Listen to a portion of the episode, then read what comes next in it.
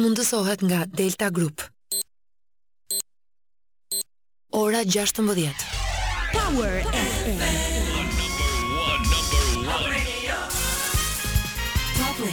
Flash në Top Albania Radio. Informacionet kryesore të ditës. Po ndiqni përmbledhjen e orës 16 unë jam Anibame. Në Gjykatën e Posaçme kundër Korrupsionit dhe Krimit të Organizuar, GJKKO, shtyhet për më nëntë maj seanca ndaj ish-ministrit të Mbrojtjes Fatmir Mediu lidhur me tragjedinë e Gërdecit me njëzet e gjashtë viktima dhe rreth treqind të plagosur.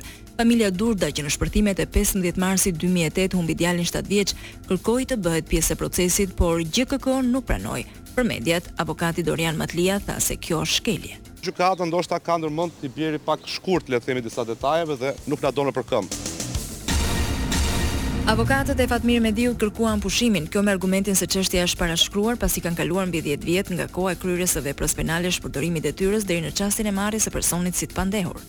Pas mbajtjes së të njëjtës barrë akuzuese që pesëmbëdhjetë vite më parë kishte zyra e Prokurorit të Përgjithshëm, për ne, natyrisht që dhe për ligjin kjo ka më shumë rëndësi, çështja është absolutisht e pamundur për të vijuar më tej për shkak të veprimit të parashkrimit e mbi këtë fakt gjykata duhet të qëndrojë. GJKKO ka pranuar gjykimin e shkurtuar, ndërsa Mediu akuzohet për shpërdorim detyre të dyfishtë sipas Kodit Penal dhe atij penal ushtarak.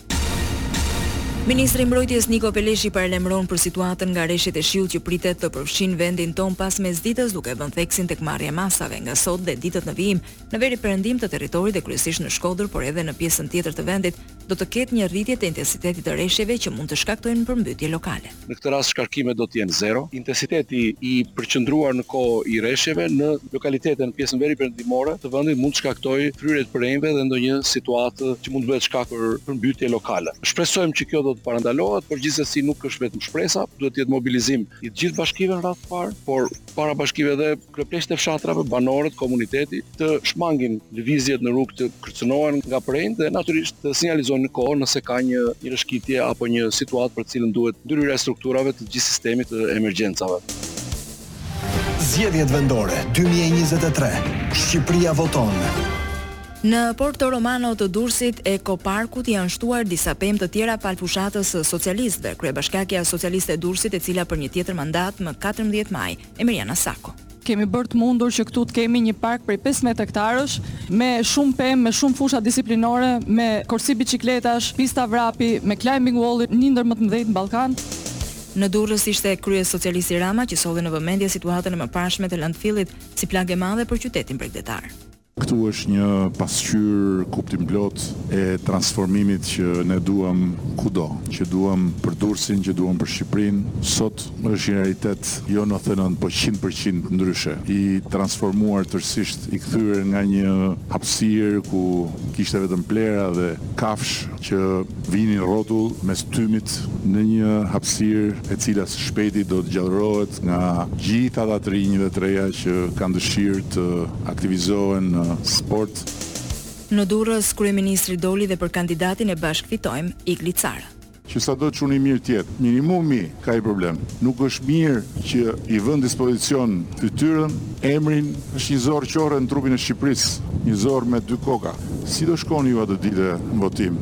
E dini ju që në fletë e votimit keni Like Floririn, po s'ke as Bacën aty, ke Like Floririn në fletë të votimit.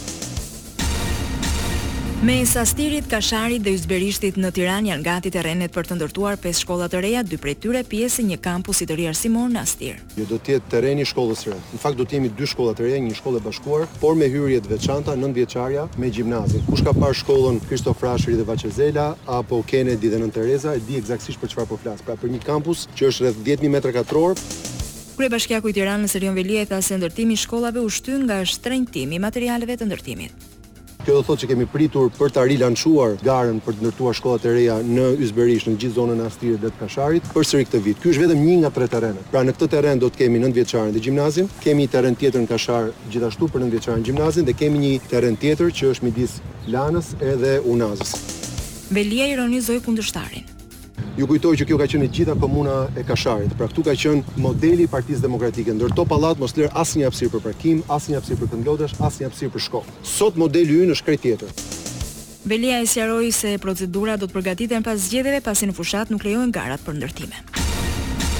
Politika dështoi që para zgjedhjeve vendore të katërmbëdhjetë majit të miratojë ligjin e lustracionit që i mbyll derën individëve të cilët në të kaluarën kanë pasur lidhje me sigurimin e shtetit, Për këtë, kryetari i komanduar i Partisë Demokratike, Enkelejd Alibeaj fajësoi Ramën, Berishën dhe Metën. Të hapen dosjet e komunizmit, të gjithë ata bashkëpunëtorë të Sigurimit të Shtetit të dalin e të dihen dhe të mos marrin më edhe funksione politike dhe funksione shtetërore. Partia Demokratike e ka iniciuar këtë projektligj, po është pikërisht trekëndëshi i Bermudës që nuk e pranon, sepse janë të lidhur pikërisht me metastaza me të shkuarën e vjetër, ndaj, Ka vlerë që në këto zgjedhje që të tregojmë se ka një alternativë tjetër.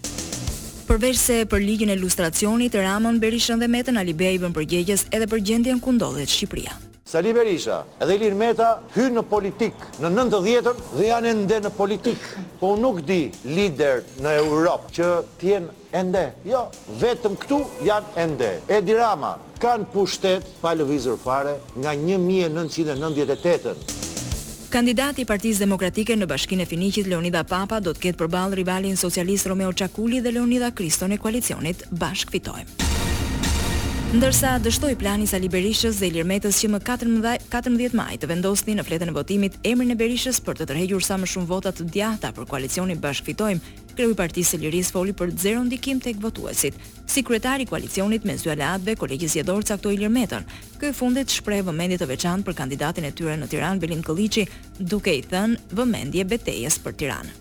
Zero ndikim tek votuesit, lojrat që bën Edi Rama në panikun e humbjes së rëndë që e pret me cicmice të tilla, të cilat turpërojnë Kolegjin Zgjedhor dhe çdo lloj institucioni që pretendon që është i pavarur. Të gjithë e dinë që në Tiranë kandidati i opozitës është Belind Këlliç, i cili ka javë të tëra që e fton në debat kandidatin e Edi Ramës. Dhe Edi Rama ua fsheh qytetarëve të Tiranës se kë ka kandidat. Nëse e merr besimin e qytetarëve më katërmbëdhjetë maj Këlliçi zotohet për spastrim të thellë në bashki.